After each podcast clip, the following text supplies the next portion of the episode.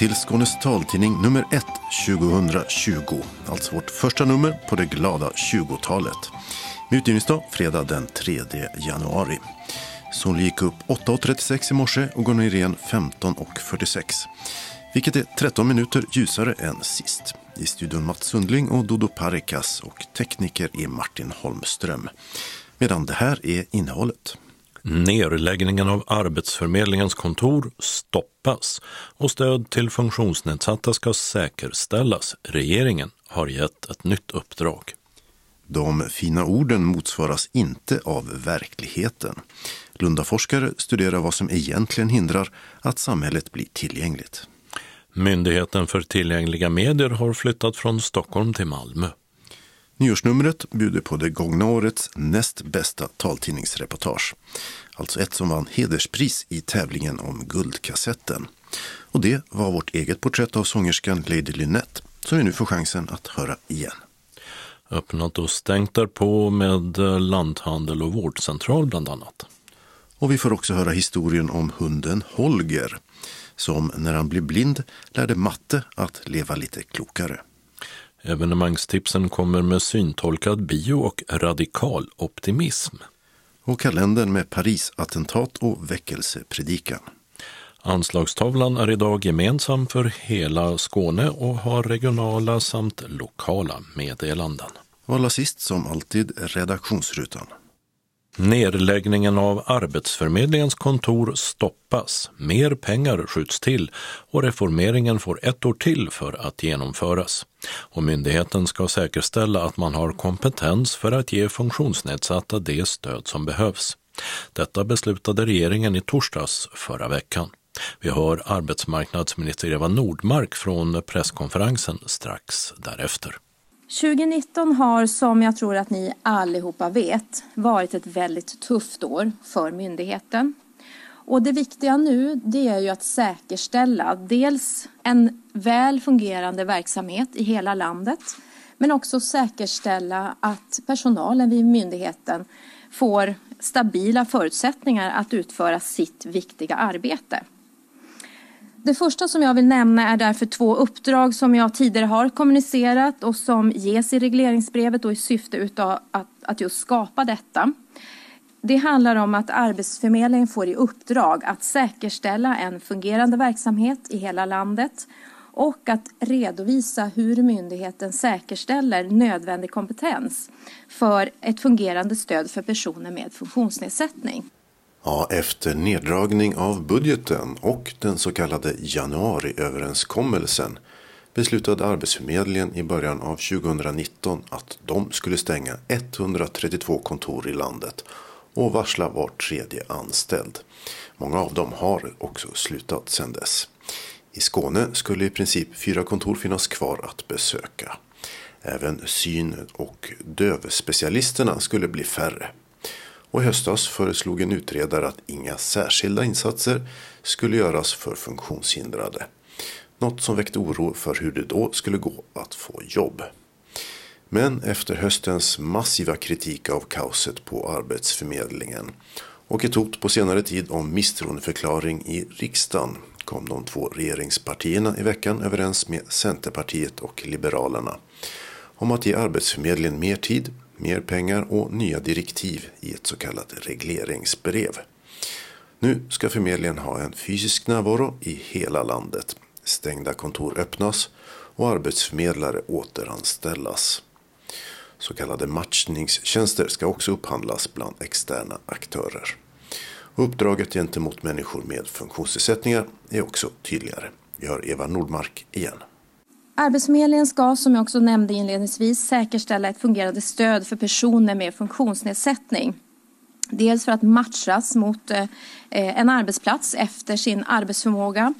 Dels för att få de hjälpmedel och det löpande stöd som individerna behöver för att långsiktigt kunna höja sin arbetsförmåga. Och det här uppdraget ska redovisas senast 1 september. Eh, alltså hur man säkerställer nödvändig kompetens för att säkra ett fungerande stöd till personer med funktionsnedsättning. Det sa den socialdemokratiska arbetsmarknadsministern Eva Nordmark.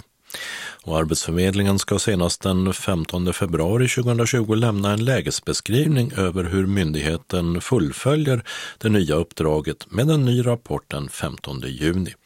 Och i oktober vill regeringen ha en slutredovisning av hela uppdraget. Reporter här var Mats Sundling. Tillgänglighet på lika villkor för alla. Ja, det är huvudprincipen i FN-konventionen om rättigheter för personer med funktionsnedsättning som antagits av den svenska regeringen.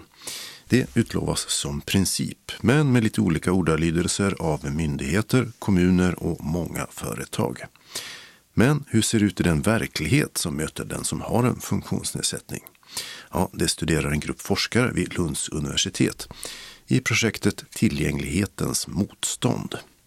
En av dem är etnologen Kristoffer Hansson som följde med SRF Helsingborg Höganäs på bussresan på Vita käppens dag. För min del så handlar det om att synliggöra var någonstans den här ja, politiska processen att skapa det tillgängliga samhället, var någonstans den har gått fel. Eh, och hur vi ska kunna förstå de processer som gör att man inte kan vara delaktig på lika villkor, så som det heter i, i konventionen. Om man tar kollektivtrafiken som ett exempel, som det var där vi började, så finns det ju en, en mängd olika hinder och begränsningar längs eh, färdvägen som just tydliggör det här med utestängning eh, och att man inte kan vara en del av samhället. Där jag i min forskning då har intresserat mig för alla de här olika delarna. Dels det rent praktiska åkandet.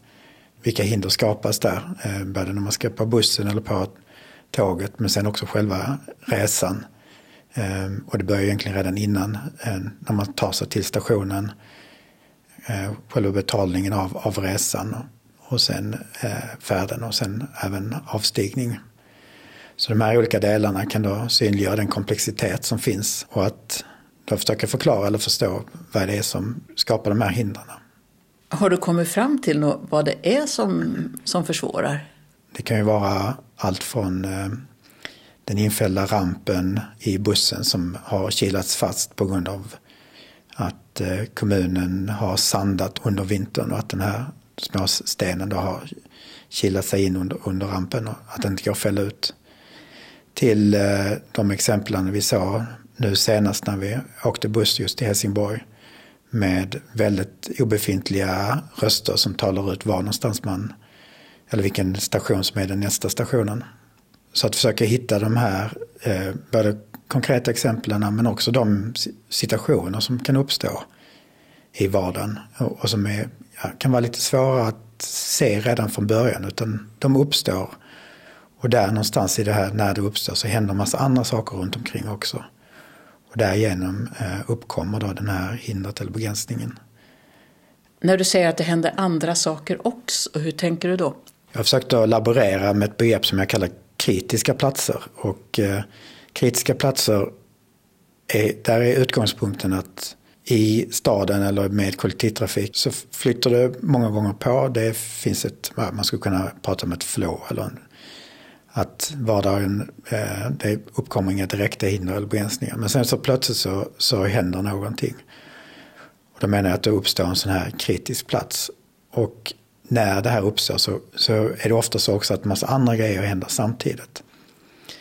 Eh, om man går tillbaka till det här med eh, småstenen som då är inkilad i, i, i den här rampen som är ett faktiskt exempel från en, en bussfärd där en eh, ung kvinna som använde en elmoped skulle ta sig på bussen just bli strandsatt utanför bussen.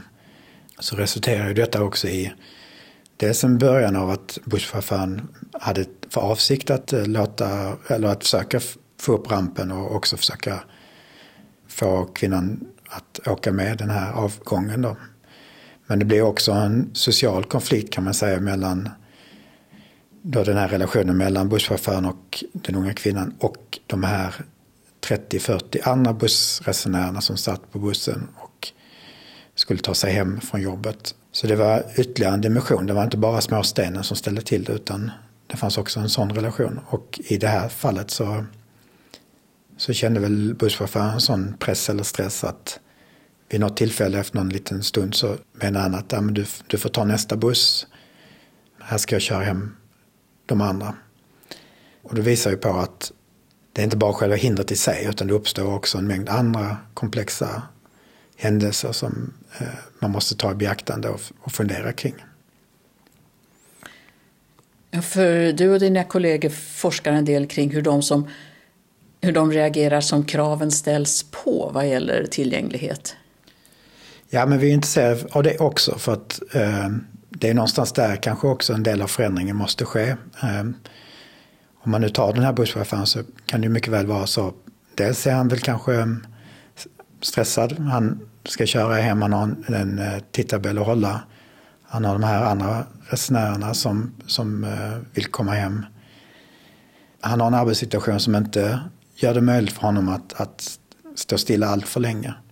Det kan ju också handla om att han har eh, föreskrifter som gäller hans arbetsmiljö kring lyft av tunga saker.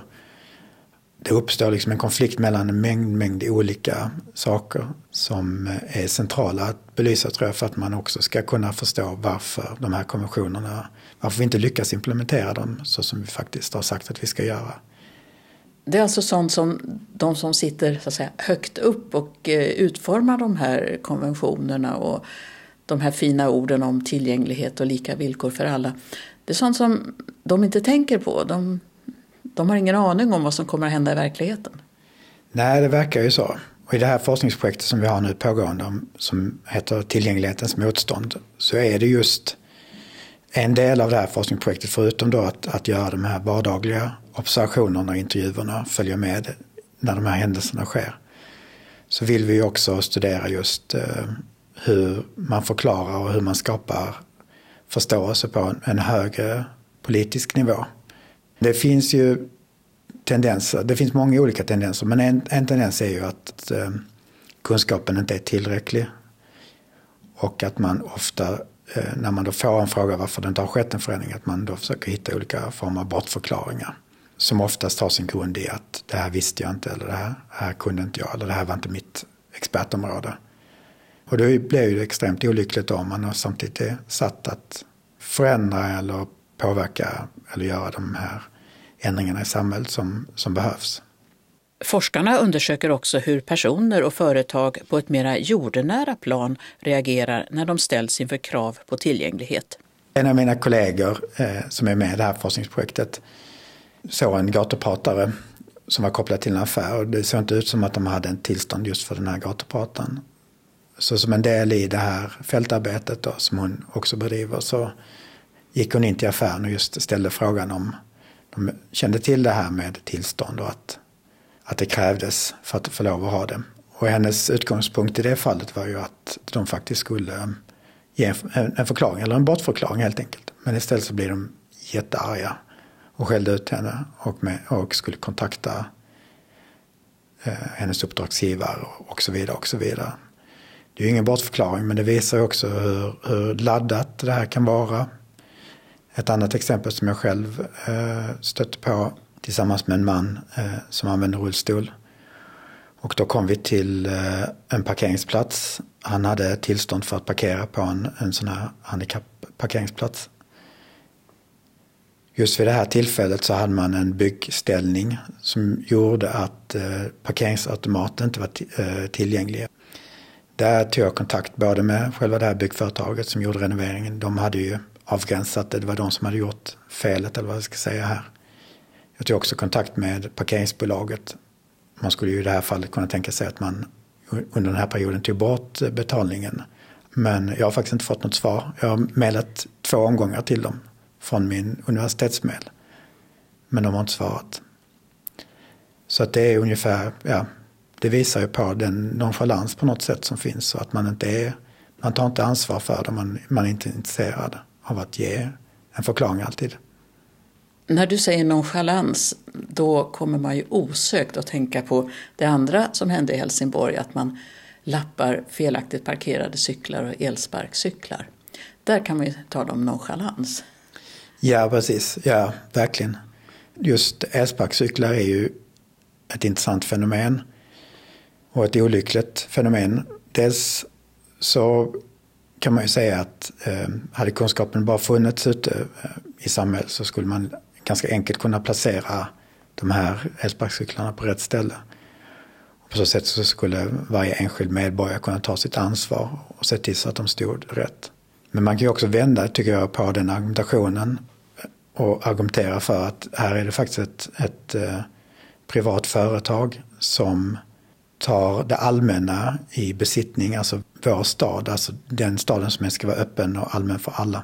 Och lansera något, en, en, faktiskt en, en ekonomisk produkt, någonting som de ska tjäna pengar på.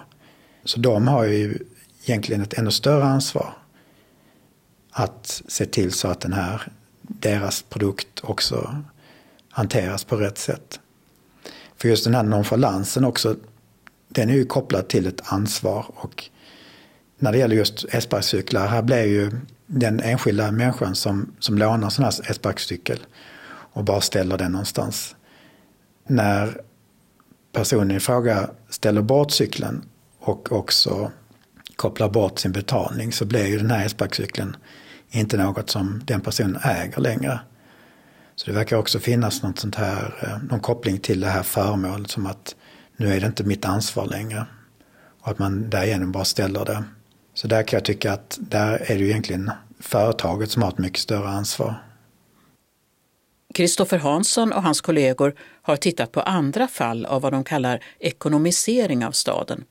Det vill säga att utrymmen som tidigare var för alla har sålts ut och hur det skapar hinder och begränsningar.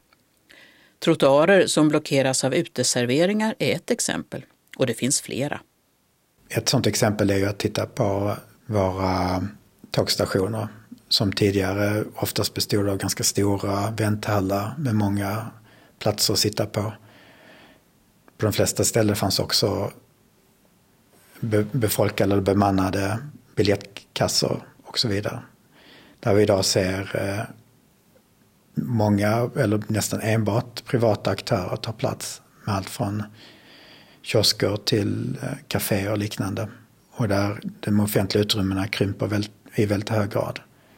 Och därmed också möjligheterna att, att ta plats eh, på det sätt som man kanske har kunnat göra innan. Då. Och där man inte kan få någon hjälp heller om man behöver det för att köpa biljett? Så har det blivit i hög grad på många ställen, eh, framförallt tågstationerna, där man förväntas klara av just alla de här eh, inköp av biljett men också eh, att fråga var man ska ta sig vidare. Så, att det är helt automatiserat med, med digitala apparater. Då, både biljett, biljetterna och, och så vidare. Och det är också ett sätt att dels tjäna pengar men också utlåta större utrymme för, för de mer privata aktörerna att ta plats. De här aktörerna ska nu forskarna ta kontakt med och diskutera bristerna i tillgängligheten tänker att det är en mycket viktig del att gå vidare med. Att inte bara nöja sig med att, att förklara själva begränsningen eller hindren utan också försöka gå på djupet med att försöka förstå hur den faktiskt uppstår. Och vad, det, vad det är i själva, själva begränsningen eller hindren som man på sikt skulle kunna förändra. För det är ju de här kommunerna eller företagen, organisationerna som någonstans ändå har ett ansvar att, att göra förändringen på lång sikt. Och du hoppas att det ska kunna leda till att de får insikt i att man, man måste göra en förändring? Ja, i slutändan hoppas vi det. Alltså, egentligen kan man väl se det i ett par olika steg här. Det ena steget är ju att bara i den här dialogen med, med eh, de här aktörerna, att de faktiskt kanske får upp ögonen när man pratar med dem om, om detta och att de, de som enskilda företag och enskilda organisationer kan lära sig något. Men på lång sikt handlar det också om att, att skapa någon mer, vad ska man säga, abstrakt kunskap eller någon form av kunskap som kan komma sam, hela samhället till gagn. Som också kan användas i alla typer av, av kommuner och företag när man gör de här förändringarna. Vi har ett förändrat system nu som gör att problemen med tillgänglighet verkar bli mera svårlösta, säger Kristoffer Hansson. Framförallt handlar det, tror jag, om eh, att vi i hög grad har eh, sålt ut en del av våra verksamheter och har dem på entreprenad. Och när vi gör det så, så är det inte lika lätt längre att, att hålla koll på alla, alla delar i samhället utan brister uppstår och när de gör det så tar det för lång tid att, att fixa. Det tydligaste exempel på det just nu är ju alla de inställda operationerna i Uppsala och ett antal andra landsting. Men vi kan också se det i lokaltrafiken, vi kan se det i den kommunala eh, verksamheten och så vidare. Syftet med forskningsprojektet, som pågår under tre år, är inte att komma med färdiga lösningar. Forskarna observerar och skriver rapporter som förhoppningsvis blir lästa av beslutsfattare, säger Kristoffer Hansson. Man får själva dra slutsatserna. Det kan finnas både, det är både negativt och positivt men fördelen här är ju att den kunskap som produceras då faktiskt kan gälla väldigt många olika delar av samhället. Så även om jag bara skriver, eller om jag skriver om kollektivtrafik i en artikel så kan det ju vara kunskap som faktiskt också kan användas för att förstå de förändringar vi ser i dagligvaruhandeln idag. Eh, ett sådant exempel är ju något vi har belyst ganska väl i, i just eh, diskussionen om kollektivtrafik. Så har vi idag väldigt många touchscreens till exempel och även andra former av digitaliseringar som skapar en otillgänglighet och en, ett hinder på många olika sätt. Så skapar man förståelse för det inom kollektivtrafik så är det en kunskap man kan ta med sig att också förstå vad som händer inom dagligvaruhandeln och vice versa. Det sa Kristoffer Hansson, etnolog vid institutionen för kulturvetenskap vid Lunds universitet. Och han vill gärna ha kontakt med flera personer som är beredda att delta i studien och visa upp hinder som möter dem i vardagen. Den som är intresserad kan ta kontakt med honom via e-post till kristoffer.hansson kultur.lu.se och Kristoffer stavas med ett F och Hansson med två S. Och reporter det var Birgitta Fredén. Myndigheten för tillgängliga medier, MTM, har flyttat från Stockholm till Malmö. För snart två år sedan fattade regeringen beslut om omlokalisering av MTM, något vi berättat om i tidigare inslag i taltidningen. Och om hur det går får vi säkert anledning att återkomma till. Från den 1 januari ligger myndighetens huvudkontor alltså i Malmö och den nya adressen är nu också Bylgehuset på Hans Mikkelsensgatan 2 och telefonnumret till MTMs växel är 040-653 2700. Jul och nyårshelg brukar betyda årets bästa reportage här i taltidningen.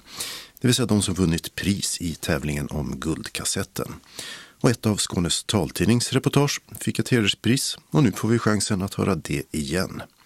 Det var månadens ansikte i augusti, Lady Lynette, eller Lynette Koyama Bjärstedt som hon egentligen heter. I över 30 år har hon arbetat som sångerska med jazz, blues, soul och visor på repertoaren. Hon har uppträtt i flera länder i Europa och i övriga världen. Men hemma, det är en lägenhet mitt i Malmö.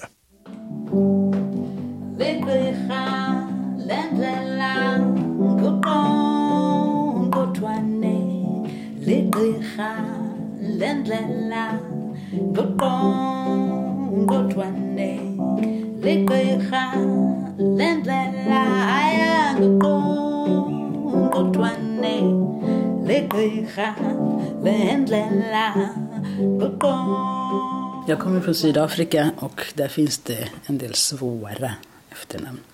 Men ditt hör till de enklare då? Oh ja. Mitt är jätteenkelt, det finns inga klick i det. Men det här med eh, ditt namn, har det någon bakgrund att du fick heta just Lynette? I Sydafrika har man oftast ett eh, så kallat engelskt namn och sen har man ett eller två afrikanska namn. Så det har jag också. Jag heter Lynette Sibongile Tenjiwe heter jag och de betyder saker. Sibongile betyder att vi är tacksamma och eh, Tenjiwe betyder den man tyr sig till, litar på. Så det är, det är tungt. och det fick jag efter min mormor, det vet jag. Men Lynette tror jag bara var ett engelskt namn som de tyckte var fint. Jag tror inte ens de visste vad det betydde. Då, det har jag talat om för dem. Det är en liten måne från franskans La Lune. Hur gammal var du när du kom hit? Det var ett par veckor innan jag skulle fylla fyra. kom jag i värsta snöstormen och jag har inget minne av det alls. Jag satt själv på flygplanet. Eh, min mormor hade dött och min mamma var i Sverige och hade väl någon flygvärdinna som hade uppsikt. och så hamnade jag här. Och de säger att jag skrek och grät något förtvivlat för jag hade aldrig sett snö. Och tyckte det var det hemskaste. Så, ja, det var hemskt. Har du några minnen från när du växte upp i Sydafrika de första åren? Nej, det har jag inte. Därför kan det vara lite märkligt. Första gången jag gick in här i Sverige i en tebutik och så lyfte jag på ett rooibos-te och fick en sån déjà vu. Wow, det här har jag varit med om. Och sen senare har jag förstått att det är där nerifrån. Och just nu så har du dukat fram rooibos-te till ja, oss. hör till. Piggar upp. Det är börste, det är sånt eh, naturte som de fattiga oftast dricker. Men nu har det ju blivit modernt, så nu är det dyrt. Det här med klick, det gör man mycket i Sydafrika. Ja, man gör det inte hela tiden som vissa tror, men det, det förekommer ganska ofta. Ja. Vissa ord, det är tre sorters klick. Har man lyssnat på Miriam Makeba så vet man. Patta patta och sånt. Eh, där klickas det hejvilt. Jag är bra på att klicka, jag är inte jätteduktig på språkets djup. Det måste jag ha haft med mig när jag var fyra.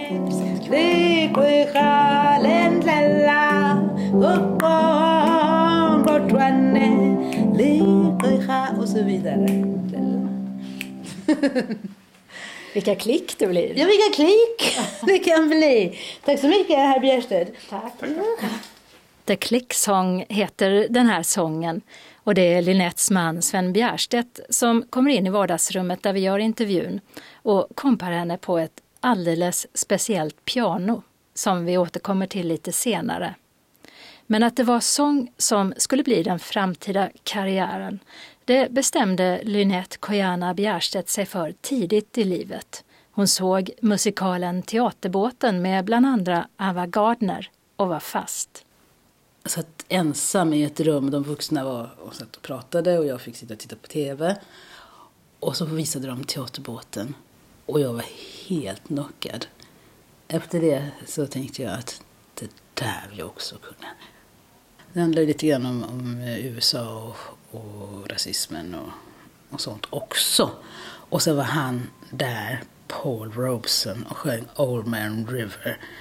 Det var så fina låtar. Mm. Old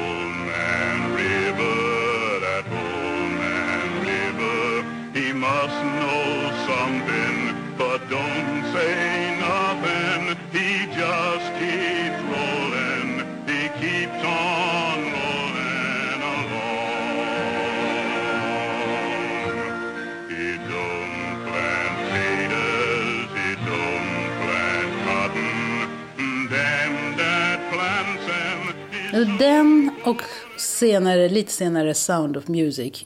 Där visste jag inte ens handlingen.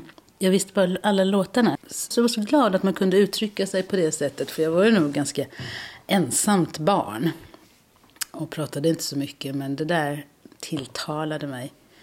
Sen blev det inte något göra slag i saken. För jag är ju akademiska föräldrar som tycker att sånt håller man inte på med. Eh, så att jag gick i skolan och tänkte att jag skulle bli kärnfysiker eller sjukgymnast. Det är ett stort spektrum. Vilket visar att det var liksom verkligen inte där det skulle vara. Men sen någon gång i tonåren så började det ta över helt enkelt. Och vad händer om du inte får sjunga? Mår dåligt. Och det kan jag svara på nu. Det hade jag kanske inte kunnat svara på för några år sedan. Men jag känner så tydligt när det har gått länge. Man är hängig och man är trött och sur och vet inte riktigt. Hela kroppen är inte med. Och så kommer man på men jag behöver sjunga. I det här um, månadens ansikte så ingår det ju alltid att man ska beskriva hur man ser ut. Oh. Så då tänkte jag höra, hur ser du ut?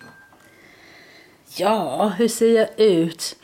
Jag är ganska kort. Fast inte i Skåne.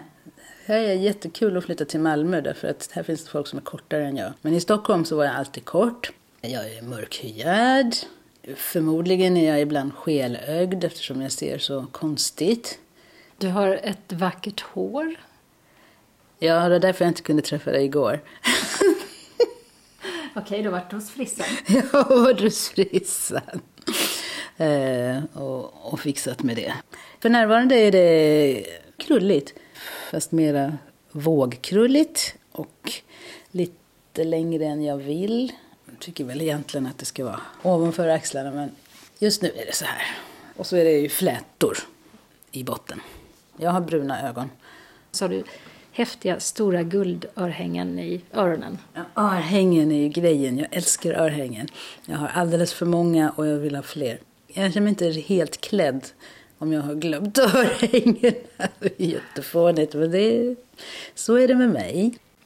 Och sen när det gäller din synnedsättning, du har glaukom.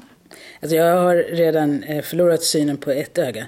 Och sen har jag ett där som håller på att äts upp av glaukom. Den gröna hemska stärren. De upptäckte det så sent så att eh, det var inte lönt att operera. För då kan det sista också försvinna. Så det lever jag med.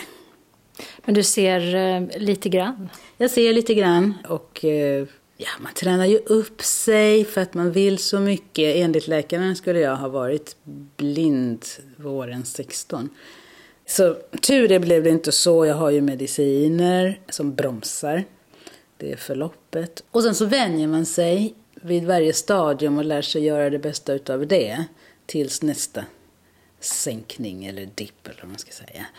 Kan du beskriva det här med att man vänjer sig? Hur, hur gör du för att funka så bra som möjligt med den syn du har nu? Alltså jag behöver veta var saker befinner sig och det är bra att jag vet ungefär i vilken ordning hur de står, kryddor och sånt. För då kan jag bara utgå ifrån att den borde stå där. Annars måste man ta fram alla verktyg, såna här förstoringar och, och läsa på dem hela tiden. Ja, som på scen då såklart. Att man får som reka vart man ska. Det var någon som beskrev det som att jag skannar min omgivning och sen går utifrån det. Så vad gör du då när du kommer till en scen och ska uppträda?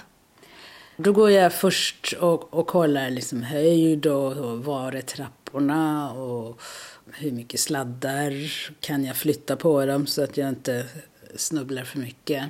Ja, och hur stativen bäst står så att de inte ska vara i vägen. Sen får jag liksom utgå ifrån det så att man får ha ett bra minne om man inte ser så bra.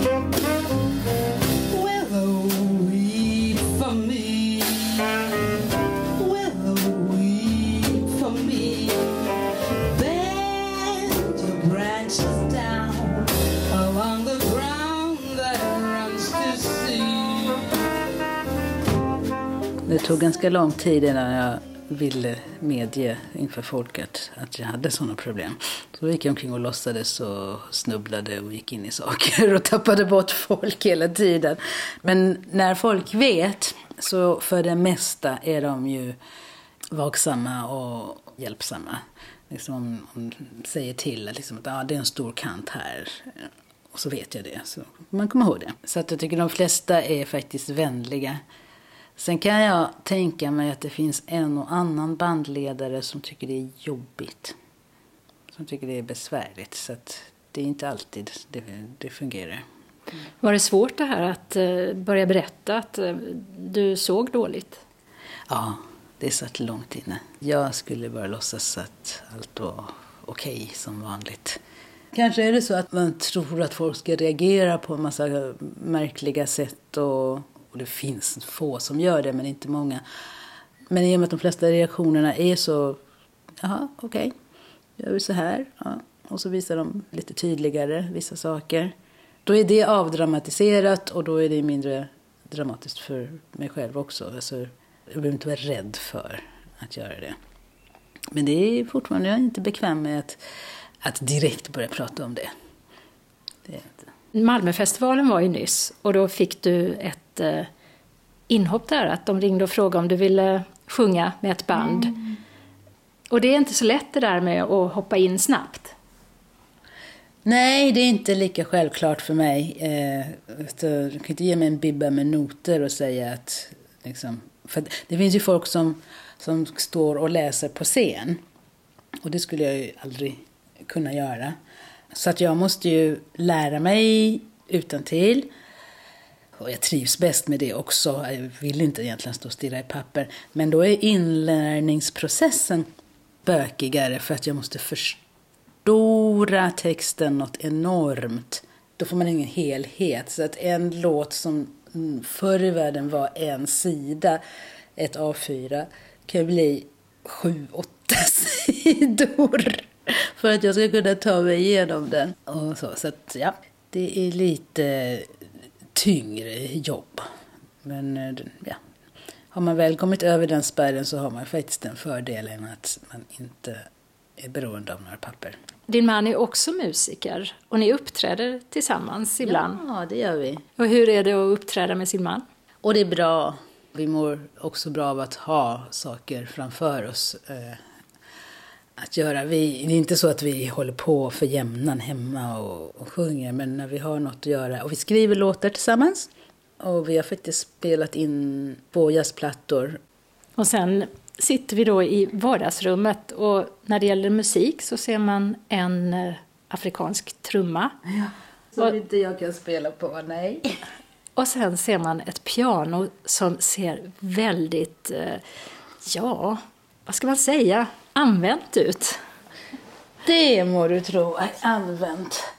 Ja, det är ett fantastiskt piano. Men alltså, historien bakom är en, en rumänsk pianist och eh, arrangör. Och han bodde här i Malmö och var ganska eh, sur och vresig och känd för det. Men vi var vänner. Och när han dog så frågades jag om jag ville ha hans piano. De trodde att jag skulle vilja ha det.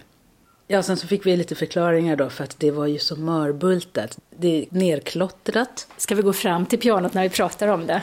Det är ju svårt när man inte själv ser det, men det är ovan och under och där. Oj, här står en massa namn. Ja, det står massor av namn på folk som han, musiker han har beundrat. Allt från Duke Ellington till Coltrane ser jag här till exempel. Dessutom så var pianot helt sönderhackat på sina ställen. Ja, det här är djupa hack i det. Djupa, och på många, hack. många ställen. Överallt och nu har jag täckt över med en duk därför att det ser förfärligt ut där uppe. Och det var han som hade hackat sönder sitt piano när han trodde att Kronofogden var på väg. Skulle ta alla hans värdesaker och då ville han väl inte att de skulle tycka att det var värt något. Så han, utan att förstöra själva instrumentet, förstörde han utseendet. Tangenterna är fina och... Jättebra ja. ljud och fungerar hur bra som helst. Och så hade han en massa namn, även här på sidan. Thomas Frank. Thomas Frank är en saxofonist som vi känner till. Så att många av de här, antingen har jag träffat dem eller så är det sådana man känner till som är kändisar. Och sen när det hade kommit till oss så, och vi tittade på alla de här så hittade jag den här. Linette Kojane. Hade han skrivit mitt namn också. Så blev, det var väldigt rörande, så då måste jag ju ha det här pianot. Det är meningen. Och alla är skrivna med rött och så är de inringade. Men vad kan det vara? Här är typ över hundra namn, verkar det som. Det är helt fantastiskt. Storytelling piano. Det har sin historia. När känner du att en spelning verkligen har fungerat? Det där är ju det är lite olika. Ibland kan man känna det under en spelning. Man kan känna att det hände något, det vände. Man fick kontakt med publiken eller någonting. Och ibland kan man trägla sig igenom och inte vara säker förrän man faktiskt hör efteråt eh, någon komma med en kom kommentar. Alltså det är inte bara så att de ska komma och säga åh vad bra tack, så, utan har de något att säga som, som visar att de lyssnade på riktigt. På 90-talet någon gång så var jag i Japan med de här solprylarna. Alltså under varje låt var det knäpp, knäpp, knäpp tyst. Och sen så blev det, efter varje låt blev det en snabb och lite så så, och sen var det tyst. Och man tänkte, oj då, de kanske inte. Och så en låt till och precis samma reaktion. Och det var liksom, första gången var det obekvämt. Man visste inte vad man hade då. Sen fick jag förklarat för mig att de vill inte störa. De är så väldigt artiga och väluppfostrade så att kort applåd så vi kan fortsätta med vårt jobb. Det är ju fascinerande.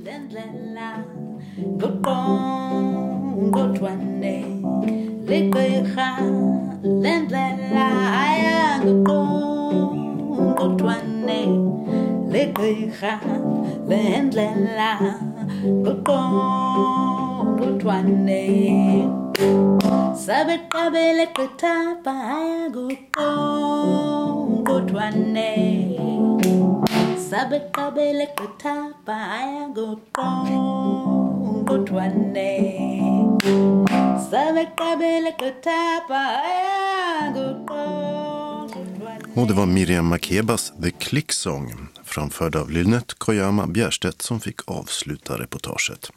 Tidigare hörde vi också en bit av en liveinspelning från Falsterbo jazzklubb med Lundströms trio. Där Lynette sjunger Billie Holidays Willow Weep for Me. Reportaget som alltså vann juryns hederspris i tävlingen om Guldkassetten i november, det var gjort av Åsa Kjellman Erisi. Öppnat och stängt. I Lund har en ny vårdcentral öppnat på Sankt Laurentiegatan 10. Det är den privata vårdcentralen Blomman som redan finns på två ställen i Malmö. Och den ska också ha öppet på kvällar och helger. I Dalby har Lilla Lanthandeln öppnat i den gamla Smedjan. Det är en filial till Torna Hällestad Lanthandel och ägarna planerar att öppna restaurang och café också här. I Genarp har träffpunkten för seniorer flyttat till nybyggda lokaler i samma hus som äldreboendet och hemvården nu också finns i. Den nya adressen är Lars Kristoffers väg 7. I Malmö har restaurangen Gamla Brogatan stängt. Detta på Brogatan 12. Här låg tidigare restaurangen Brogatan som runt millennieskiftet var en av Malmös populäraste krogar. Innan den 2012 gick i konkurs. Malmökrogen Raw Food House har stängt också den. De har serverat lättuppvärmd vegansk mat på Frisgatan 8 sedan 2011. Nu ska vi träffa Sundsvallsbon Ulrika Olin som lärde sig hantera livet på ett klokt sätt av sin blinda hund. Holger Andersson hette han och när han dog lämnade han ett stort hål i hjärtat på sin matte. Min kära vän, både till familjen och här på, på jobbet. Han heter Holger Andersson. Det var en flat coated retriever och han eh, fick somna in i mars i fjol. Så jag tittade på bilder här i morse och eh, jag känner att jag har en, en klump i, i halsen. Mm, jag saknar Holger väldigt mycket. Vad var det som var så speciellt med Holger? Han hade en, en lugn och fin personlighet. Han litade på, på människor och litade även på sig själv. Lugn och trygg. Han saknade ett sinne. Hur upptäckte du det? Det var faktiskt när, när Holger var några månader så satt jag i köket. Vi har ju haft eh, en del hundar tidigare. Och så tänkte jag att ja, men har han ett grönt öga? För han kom mot mig i motljus och så såg jag att ögat var, var grönt. Och jag tänkte, ja men så, visst kan det vara så. Men jag tänkte, ja, det är någonting som inte riktigt funkar. Så vi tog honom till en veterinär och då hade han tappat näthinnan på ena ögat. Och var blind på det ögat. Och det var det gröna i motljuset var alltså ögonbotten som man såg. Det gick ju att leva med det handikappet och se på, på ett öga. Lite svårare att träna var det. Men eh, inget annat fel. Och sen så började han började gå in i saker och, och då var det lite så här, men vad är det, vad är det nu som har hänt? Och då hade han då fått starr. Då var vi tvungna att åka upp till veterinären och då så var han då blind på båda ögonen. Och vi var tvungna att plocka bort ett öga. Jag stod där med veterinären och då sa hon att vet du vad, en sån här hund tar man inte bort. Och då så fick det bli så att han fick, han fick då finnas med ett öga resten av, av livet. Då. Hur gammal var Holger när han blev helt blind? Då var han tre, fyra år. Du kände av att han ville fortsätta leva? Då kändes det hos mig och när veterinären då också sa det, att jag fick de orden till mig, då, då kändes det att självklart. Och för oss i familjen har det aldrig varit något, något handikapp eller hinder att, att han inte har varit som alla andra, för han har ändå varit som alla andra. Hur fungerar han när ni var ute och gick? Många trodde inte att Holger var blind. Utan han, han hade ju då sitt ena blinda öga kvar och på det andra då hade han sitt fina R där andra ögat hade suttit. Och då sa de, många som vi träffade på, ja, ja vi ser det, han har ju bara ett öga. Men det är ju tur att han har andra ögat kvar och ser. Ja visst är det, sa jag. Man kan också stöta på hinder. Kanske hur andra människor, människors värderingar. Att man kanske inte skulle ha en, en blind hund med ett öga. Kan kanske uppfattas som djurplågeri hos många. Men inte hos oss och inte hos eh, våra vänner och bekanta som vi har runt omkring oss. Och det är huvudsaken. Och jag var jättestolt över Holger, att få ha honom som hund. Han har lärt oss mycket. Som? Att man ska ha tilltro, man ska lita på folk, gå på sin magkänsla. Alla är lika fast olika. En otroligt fin hund. Varje dag var han med mig på jobbet här. Hur påverkade det dina jobbarkompisar och dina klienter? På ett mycket positivt sätt. För han hade en aura runt omkring sig som ingav både liksom trygghet och lugn. Men ändå så kom han fram, stor som han var, han, vä han vägde ju 35 kilo. Så kom han med den, med den fina pondus han har och eh, kunde möta vilken person som helst utan att se dem. Han orienterade sig helt själv här på kontoret. Ja, i nya miljöer kunde det vara lite jobbigt för honom först. Men det var inte många gånger han stötte på någonting. Och sen fick man hjälpa honom att, nej nej, hit hit. Att man använde sig av, av lite ljud istället. Sen har de ju en väldigt bra näsa. Det går inte att beskriva honom alltså. Jag, jag saknar honom så otroligt mycket. Det gör jag. Jag är glad att jag har fått haft honom. Så vad hände då för ett år sedan? Ja, det var, jag tittade faktiskt på, på bilder idag och det var den 29 mars 2018. Någon vecka innan där så fick han ett sår på en tass. Jag tror att det var en klo som det hade hänt någonting med. Och det läkte aldrig. Vi har en väldigt god vän som är, är veterinär och hon sa att nu är det nog dags. Då skulle man då behöva amputera en tå på honom och det ville vi inte utsätta honom för. Så då fick han somna in. Det var ett fint avsked, men jobbigt. Och var finns Holger nu? Holger han finns hemma hos oss i en urna tillsammans med en annan urna som vi har. Vi har inte kunnat grävt ner de här hundarna än för vi vet inte var de, var de ska ligga. Jag vill inte att de ska vara för långt borta. Jag vill ha dem nära mig. Vi är otroligt tacksamma att vi har fått leva tillsammans med Holger. Du tänker på honom varje dag? Ja, det gör jag faktiskt. Och ibland kan jag tänka när jag kommer i olika situationer att eh, jag försöker liksom blunda ibland och, och, och, ta in en annan känsla. Man då tänker Holger som, som gick i, i sitt mörker hela tiden. Vad, vad hade han för, hur fattade han sina beslut? Och eh, det kanske man kan bli hjälpt av om man liksom blundar ibland och tänker till lite grann. Det behöver inte vara någon länge men en liten kort stund. Och jag är mm, tacksam att, han, att jag fick den förmågan av honom också. Att använda mig av det. När det har kanske känts svårt eller krångligt vissa gånger, besvärligt. Så tänker man, ja men vad är det egentligen som är besvärligt? Jag har alla verktyg att kunna lösa mina situationer. Och Holger han, han löste sina situationer på sitt sätt. Så det har jag lärt mig. Hur kunde du märka då att han löste sina situationer annorlunda efter att, efter att han har blivit blind? Han tog det lite lugnare tror jag, stannade upp, tänkte till lite grann och hade en otrolig tillit till dels till sig själv men även till andra runt omkring. Vi har ju aldrig behandlat honom annorlunda. Med de förutsättningar han hade, vi försökte hjälpa till. Vad kan vi göra för att hjälpa honom? Och det är viktigt för mig överhuvudtaget. Att man ska försöka se varandra och hjälpa varandra. Jag tror faktiskt också många gånger att kanske om inte Holger har varit i våran familj så kanske han inte har varit kvar heller. Och fått levt så länge som han gjorde. Vi måste börja tänka på varandra mera. Och inte bara, alltså, att man inte bara tänker på sig själv i dagens samhälle. Ungefär som min kompis eh, säger att det krävs en, en hel by för att fostra en unge. Och lika väl så är det med, med människor runt omkring också. Vi måste hjälpas åt. Idag finns Holgers efterträdare på kontoret. Även han en stor kolsvart flat-coated retriever. Lucky hade ju den förmånen att få, få vara med Holger. En bra ledsagare. Och innan det så hade vi också en hund som då var tillsammans med Holger före. Och hon hette då Nova. Och det var också en fantastisk individ. Så att de har präglat varann de här hundarna.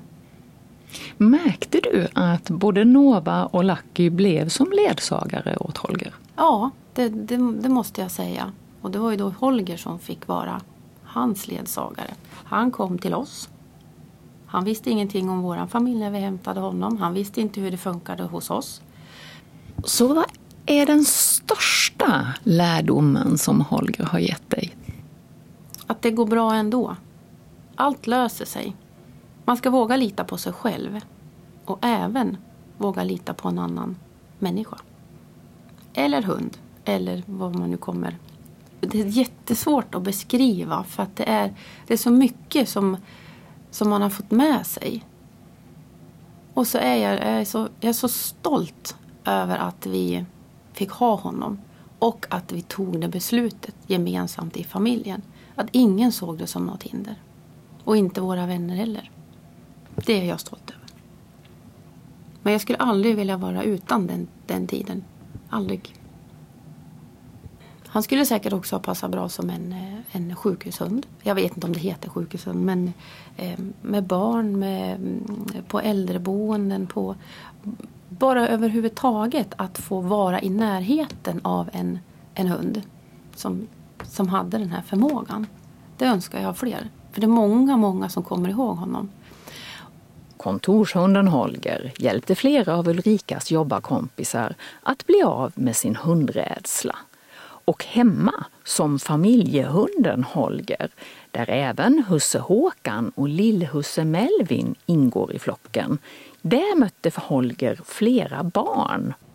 Det var många barn som sa, men titta mamma vilket monster. För de kanske tyckte att han såg lite läskig ut med ett öga. Så då fick man prata liksom lite, lite så. Varför tycker du så? Hur tror du att du ska närma dig en hund som inte ser något? Eller hur skulle du känna om jag Eh, klappade dig på huvudet när du inte visste vem jag var? Vad vill du liksom? Tycker du att det är bättre att jag tar dig i hand? Att man får, man får lära någon som inte då är kanske så van vid den situationen.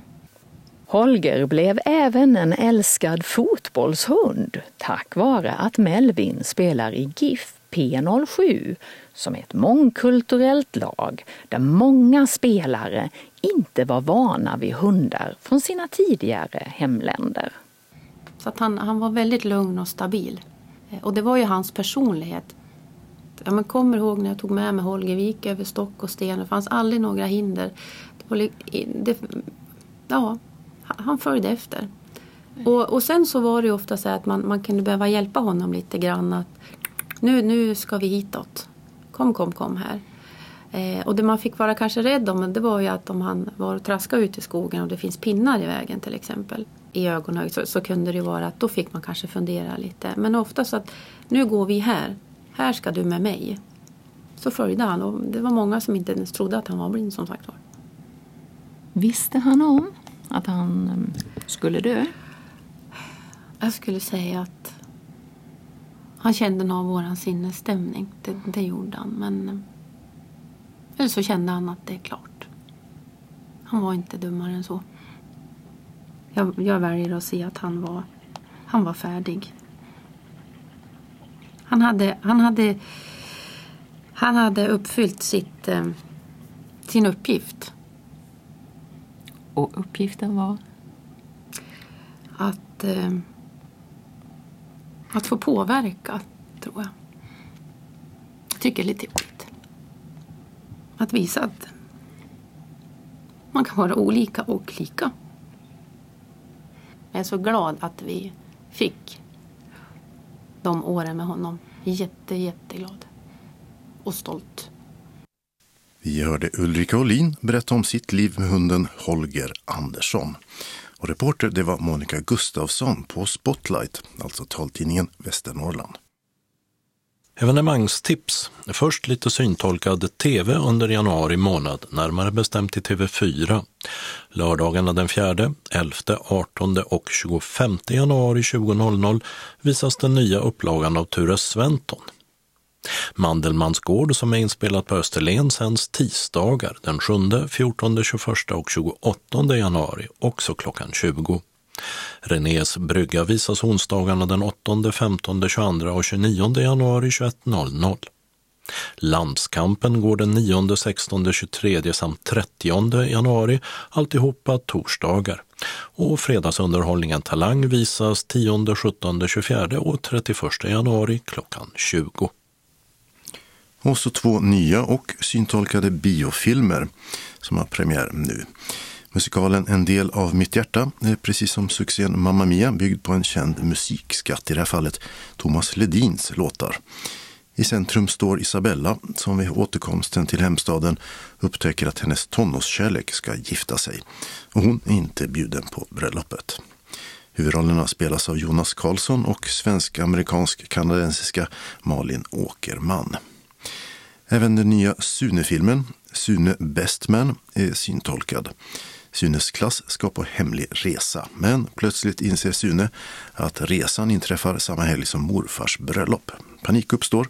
Ska han resa tillsammans med sin kärlek Sofie eller välja morfars bröllop? Bägge filmernas syntolkning är för biobruk och finns på de sedvanliga apparna. På Hovdala slotts loge i Hässleholms kommun spelas det vinterkonserter i 13-helgen. Imorgon lördag den 4 januari 19.00 samt den 5 januari 15.30. Sofia Karlsson är gästartist och logen är inte uppvärmd så varma kläder och filtar rekommenderas. Madriks Café på Stortorget 1 i Hässleholm säljer biljetter och de kostar 295 kronor. För information och biljettbokning ring 0708 976 676. I Sankt Nikolai kyrka i Trelleborg är det en julkonsert trettondagen, alltså den 6 januari klockan 16. Den kallas Carols vid Betlehem. Det är koralkören som sjunger Christmas Carols under ledning av Stina Backlund och det är fri entré. Hörby Big Band spelar upp till en svängig 13-dagskonsert på Metropol, Nygatan 19 i Hörby den 6 januari mellan 15 och 16.30. Biljetterna kostar 120 kronor och säljs på Sandals modehus, Storgatan 6. Telefon 0415 139 01. Blir det några biljetter över så säljs de på Metropol före konserten och den som inte fyllt 15 kommer in gratis. Den 11 januari klockan 19 blir det fullt ös med Klätsemärbandet Tummel i salongen på Kulturhuset Anders i Hör. I pausen serveras buffé och därefter spelas det upp till dans. Biljetterna kostar 150 kronor för vuxna, 100 för unga mellan 13 och 19 och 50 för barn. Bokning kan ske via mejl till musikskolan hor.se. Men arrangören har också telefonnumret 0413 282 85. Nyårsrevyn Bättre sent än aldrig har premiär på Ystads teater 11 januari 19.30 och spelas sedan ytterligare 16 gånger på onsdagar, fredagar och lördagar till och med 8 februari. Teatern och Ystads turistbyrå säljer biljetter för mellan 280 och 445 kronor och det går även att boka en tvårätters supé på Hotell Continental. Då kostar det 795 kronor per person. Sjunga ut julen kan man göra i Sankt Andreas kyrka vid Fridhemstorget i Malmö den 12 januari klockan 18, minsläpp en timme tidigare. Sjung med Gungkören medverkar och besökarna får gärna sjunga med. Museichefen och berättaren Lena Alebo har varit med flera gånger i Skånes taltidning. Nu är hon först ut bland 2020 års föreläsare på Tommarps bygdegård i Östra Tommarp. Den 16 januari mellan 19 och 20 handlar det om kvinnorna från Österlen, rösträttskvinnor, bondmoror, fiskarhustrur med flera. Den 30 januari berättar jorden runt-resenärerna Helene och Tommy Rosberg från Skåne Tranås om sitt stora äventyr och visar bilder. Två veckor senare, den 13 februari, föreläser Lundaläkaren Henrik Widegren som också är med i SVTs Fråga Lund-panel. Rubriken då är Skratt, inget man skojar bort. 27 februari är det måltidskonsulenten Peggy Dixdotter Hermanssons tur och då handlar det om fika för livet, lustfyllda måltider och ett gott liv även för 65-plussare. Nils-Gunnar Snygg, revyräv från Ystad i rubriken på föredraget den 12 mars. Och sist men inte minst kommer författaren Björn Ranelid den 26 mars. Jag skänker dig mina vackraste ord, jag ämnar färdas med min kropp och själ genom mina böcker. Ja, så kallar Ranelid sitt framträdande. Enstaka föreläsningar kostar 70 kronor medan ett terminskort för sex gånger kostar 200 kronor. Starttiden är alltid 19.00.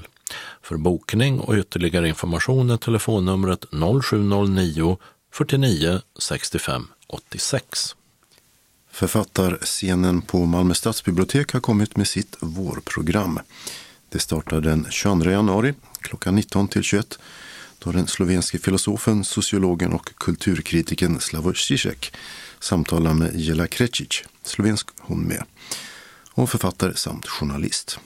Temat är obscent beteende i mycket vid bemärkelse som de ser hos ledande figurer som Donald Trump.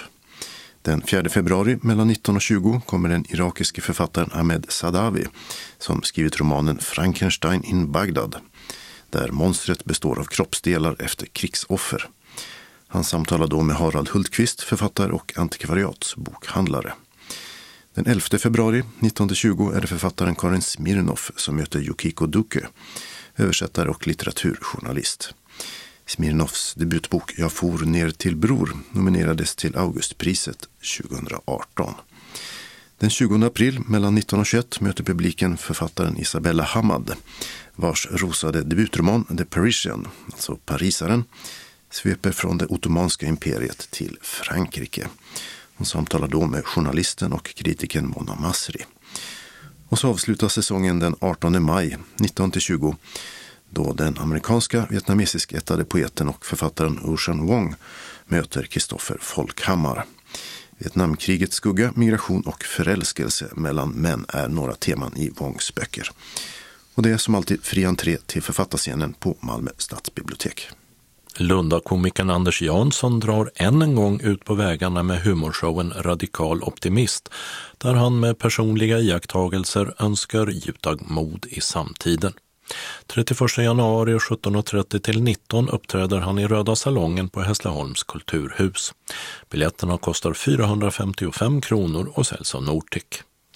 Lunds stadsorkester med flera kulturverksamheter är sedan i höstas utlokaliserade till Folkparken medan Stadshallen renoveras. Vårens första konsert ges den 8 februari klockan 16. Och den kallas Side by Side och bjuder på blandad musikkompott med låtar ur Pirates of the Caribbean-filmerna och av Beethoven bland annat. Spelar gör Lunds ungdomsorkester och violinsolist är Marika Fältskog. Biljetterna kostar 50 kronor och den som är under 18 kommer in gratis. Den 9 februari återkommer Marika Fältskog nu med Lunds stadsorkester och framför bland annat Tchaikovskis femte symfoni. Biljetterna då kostar 180 för vuxna och 60 för de som är upp till 18 år. Dirigent båda gångerna är Samuli Örnströmer. Biljettbyrån har biljetterna. Och blir det några över så säljs de i dörren en timme innan konserterna. Hasse Alfredsons och Tage Danielssons miljömedvetna film Äppelkriget lockade stora skaror till biograferna i början av 1970-talet och skaffade Evert Taubes låt Änglamarken första plats på Svensktoppen. I februari sätts Äppelkriget upp som musikalkomedi på Helsingborgs stadsteater. I en av rollerna finns Dan Kandell som även läst in en lång rad talböcker. Genrep blir den 14 februari klockan 19 och premiär den 15 februari klockan 18. Och det är nedsatta biljettpriser på genrepet. Och sen spelas den två timmar långa föreställningen till och med 5 april på Storan. Den numera 91-årige och Oscarsbelönade italienska kompositören Ennio Morricone är mannen bakom odödlig musik till en rad kända filmer, däribland 60-talsrullarna För en handfull dollar och Den gode, den onde, den fule. Filmer som lite nedsättande kallades för spagettivästern. Men även Once upon a time in America med Leonardo DiCaprio och Cinema Paradiso. Den 17 februari 1930 ger The Milano Festival Orchestra plus en rad sångare en dryga två timmar lång Morricone-konsert på Malmö Opera. Filmscener kommer också att visas. Julius säljer biljetterna som kostar 695 kronor. Kvinnan som är jag kallar Lisa Nilsson sin show med sång, dans och stand-up som hon fortsätter turnera med under våren. Lördag 28 mars kommer hon till Helsingborgs konserthus där det kostar 695 kronor att se henne. Och söndagen den 29 mars till Slakthuset i Malmö där biljetterna kostar mellan 495 och 695 kronor. Konserttiden är 18.00 vid bägge tillfällena. Biljetterna i Malmö säljs av Eventim. Biljettinformation, Malmö Live och Konserthus når man på telefon 040-34 35 00. Eventim 0771 65 10 00. Helsingborgs konserthus har 042 10 42 80. Helsingborgs stadsteater 042 10 68 10. Julius 0775 700 400. Nortic har 0455 61 97 00. Tixter 0771 47 70 70. Hässleholms kulturhus och Biljettkassan 0451 26 66 70. Och Biljettbyrån i Lund 046 13 14 15. Kalendern för 2020 års andra vecka börjar måndagen den 6 januari då Kasper, Melker och Baltzar har namnsdag. Det är trettonde dag jul och de tre namnsdagsherrarna, tillika vise männen eller stjärntydarna, ska ha kommit med gåvor till det nyfödda Jesusbarnet just dessa dagar. De tre har också betraktats som tre kungar och i flera länder firar man inte trettonhelg utan heliga tre konungars helg. Förutom att herrarnas yrken är osäkra så gäller det även deras namn. Vad sägs om Apelius, Amerius och Damaskus som är de grekiska varianterna, eller de armeniska? Kagfa, Badadilma och Badadakarida. Och i Bibeln är de faktiskt inte nämnda vid namn alls. Inte heller står det något om att de skulle ha dykt upp just 13 dagar efter Jesu födelse. Den brittiska skådespelaren Rowan Atkinson är väl mest känd för komediserierna Mr Bean och Blackadder. Men Atkinson har även spelat den ikoniske franske poliskommissarien Maigret i en brittisk tv-version för något år sedan. Nu fyller han 65 år. Tisdag den 7 januari är Augusts och Augustas namnsdag. Och fem år har gått sedan terrorattentaten mot den franska satirtidningen Charlie Hebdos redaktion i Paris då 12 personer dödades och 11 blev skadade i ett jihadistdåd. Efter attacken drog en sympativåg för Charlie Hebdo över Frankrike och världen. För de som tillhör den ortodoxa kyrkan infaller juldagen denna dag. Onsdagen den 8 januari firar Erland namnsdag och det har han gjort sedan 1901. Och hade sångaren Elvis Presley levt idag så hade han fyllt 85 år. Elvis dog 1977. Torsdag den 9 januari är Gunnars och Gunders namnsdag. Fredagen den 10 januari är det dags för det nya decenniets första fullmåne. 120 år har gått sedan väckelsepredikanten, prästen, botanikern, författaren med mera Lars Levi Lestadius föddes i Arjeplogs socken i Norrbotten. Den lästadianska väckelsen tog sig form både som mer återhållsam fromhet och som en hård riktning med förbud mot musik, dans, film med mera. Författaren Mikael Niemi har skrivit en kritikerrosad roman med deckarinslag om Lestadius som heter Koka björn. Den finns som talbok och i punktskrift. Och det är Sigurd och Sigbritt som har namnsdag. Lördag den 11 januari är Jans och Jannikes namnsdag. I Taiwan är det parlamentsval som sker i skuggan av oro över påverkan på valet från Folkrepubliken Kinas sida. Den även här i Sverige välkända och populära danska skådespelerskan Gitta Nörby fyller 85 år. Nörby har gått från lättare komediroller i början av karriären till att bli karaktärsskådespelare sedan 1970 vid det Kongelige Teater i Köpenhamn. Hon har spelat i flera svenska filmer och hade en viktig roll i den danska tv-serien Matador. Nörbys senaste filmroll var förra året i filmen För Frosten om ett påtvingat äktenskap i en fattig familj i mitten av 1800-talet. Söndagen den 12 januari är det Frideborg och Fridolf som har namnsdag. I Sälen börjar detta års rikskonferens Folk och försvar. Första dagen ägnas en rad programpunkter åt Ryssland och Sveriges relationer med den stora östliga grannen.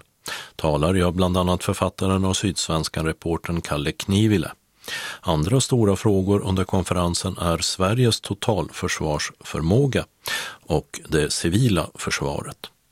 För 50 år sedan avslutades Biafra-kriget i och med att Biafra efter tre års inbördeskrig gav upp att försöka bryta sig ut ur Nigeria. Biafras kamp väckte på sin tid stor sympati i Sverige.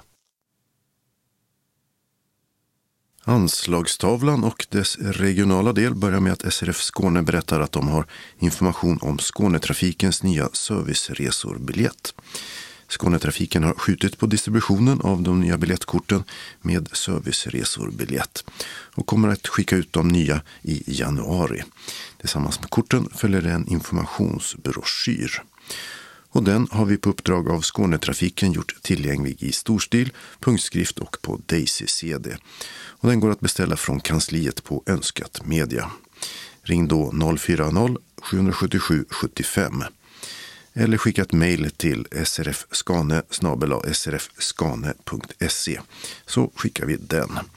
Jojo serviceresokortet kommer att gälla som vanligt tills det nya kommer med posten i januari. Syskonbandet Kristna Synskadades förening bjuder in till gemenskapshelg den 7-9 februari i småländska Eksjö. Och temat för denna helg är ljuset. Vi kommer att prata om och dela våra erfarenheter av ljus i faktisk form och som metafor för vår tro och för Gud. Och även tillverka egna ljus. Det är i trästaden Eksjö vi möts och den missar vi förstås inte att ta en tur i. Vi håller till på Eksjö camping och konferens. Gården ligger naturskönt intill en sjö, ändå är den nära till centrum. Vi bor främst i rum med två till fyra bäddar i gårdens vandrarhem och stugor. Dusch och toalett finns nära rummen i korridoren. I mån av plats kan eget rum önskas. Som alltid kommer ideella ledsagare att finnas till hands för att hjälpa dig i den mån du behöver. Ledarhundar är välkomna. På söndagen tar vi oss vidare till Sandsjöfors där vi deltar i Alliansmissionens gudstjänst. Där äter vi också lunch innan vi skjutsas de två milen till Nässjö som är Smålands stora järnvägsknutpunkt. Varmt välkommen till denna helg av gemenskap. Tid 7-9 februari. Start med kvällsmat klockan 17 på fredagen och senast 14.30 är vi vid Nässjö station på söndagen. Resa till Eksjö går tåg och bussar.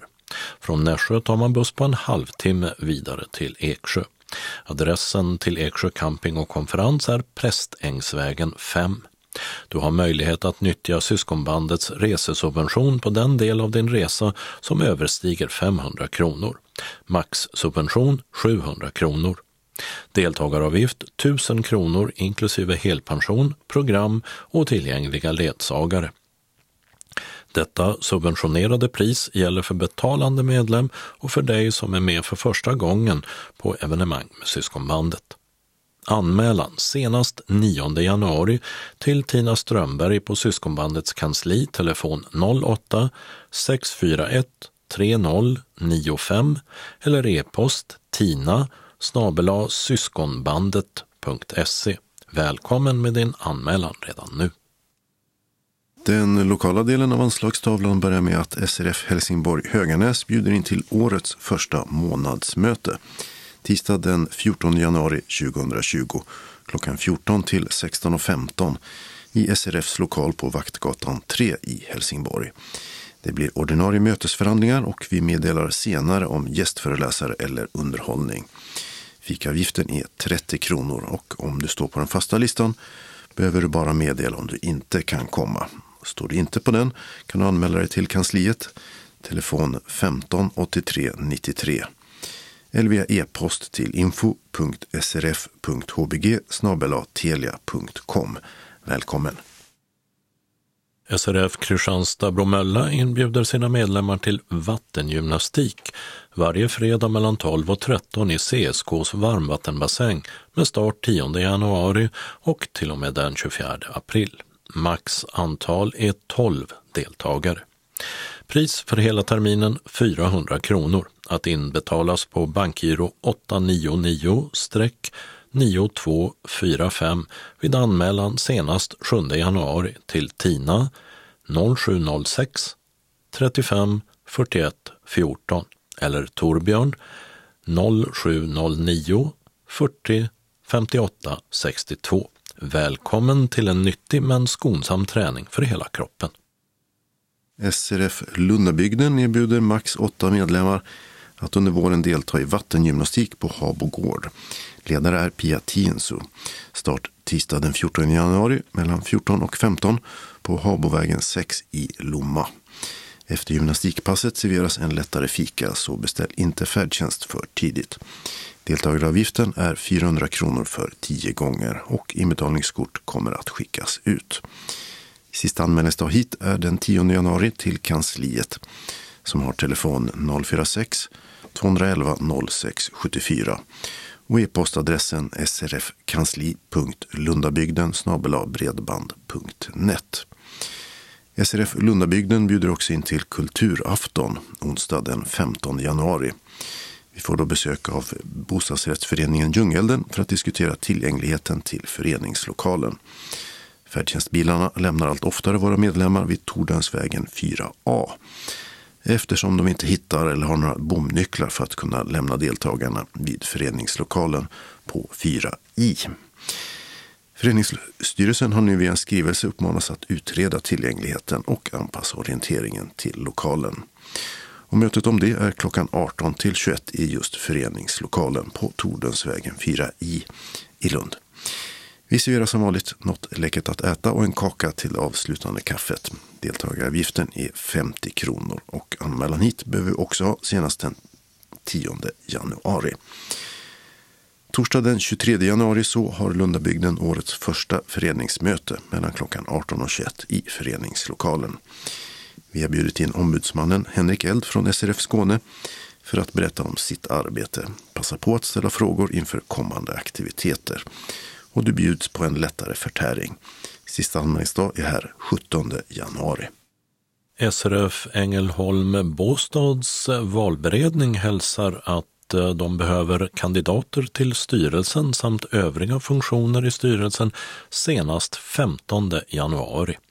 Var vänlig kontakta Fred Jönsson, telefon 0707 89 01 99 eller Carl-Otto Rosenqvist 0701 75 98 56.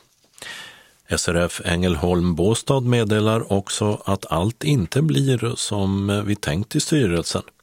Istället för Arlövsrevyn blir det revy på Revyteatern Nybrovägen 5 i Ängelholm söndagen den 26 januari.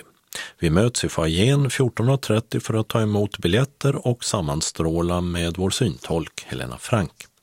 Revyn beräknas vara slut 18.00 och efteråt tänkte en del av oss göra ett restaurangbesök på något trevligt ställe.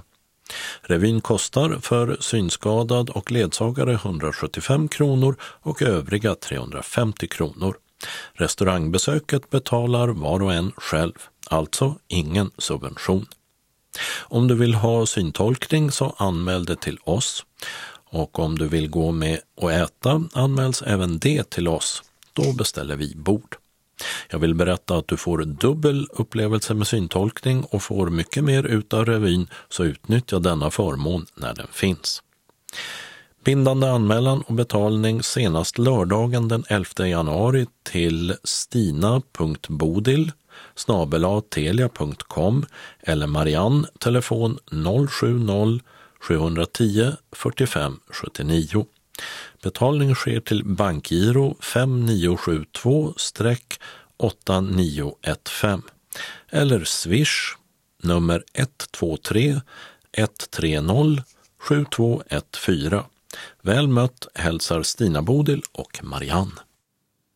Och där var det slut på innehåll i decenniets första Skånes taltidning. 20-talets andra kommer nästa fredag den 10 januari. Skånes taltidning ges ut av Region Skånes psykiatri och habiliteringsförvaltning. Ansvarig utgivare är Martin Holmström. Postadress Jörgen Ankersgatan 12, 211 45 Malmö. Telefon 040 673 0970. E-post Skanes taltidning snabela skane.se och hemsida skanestaltidning.se. Vi hörs igen. Hej då!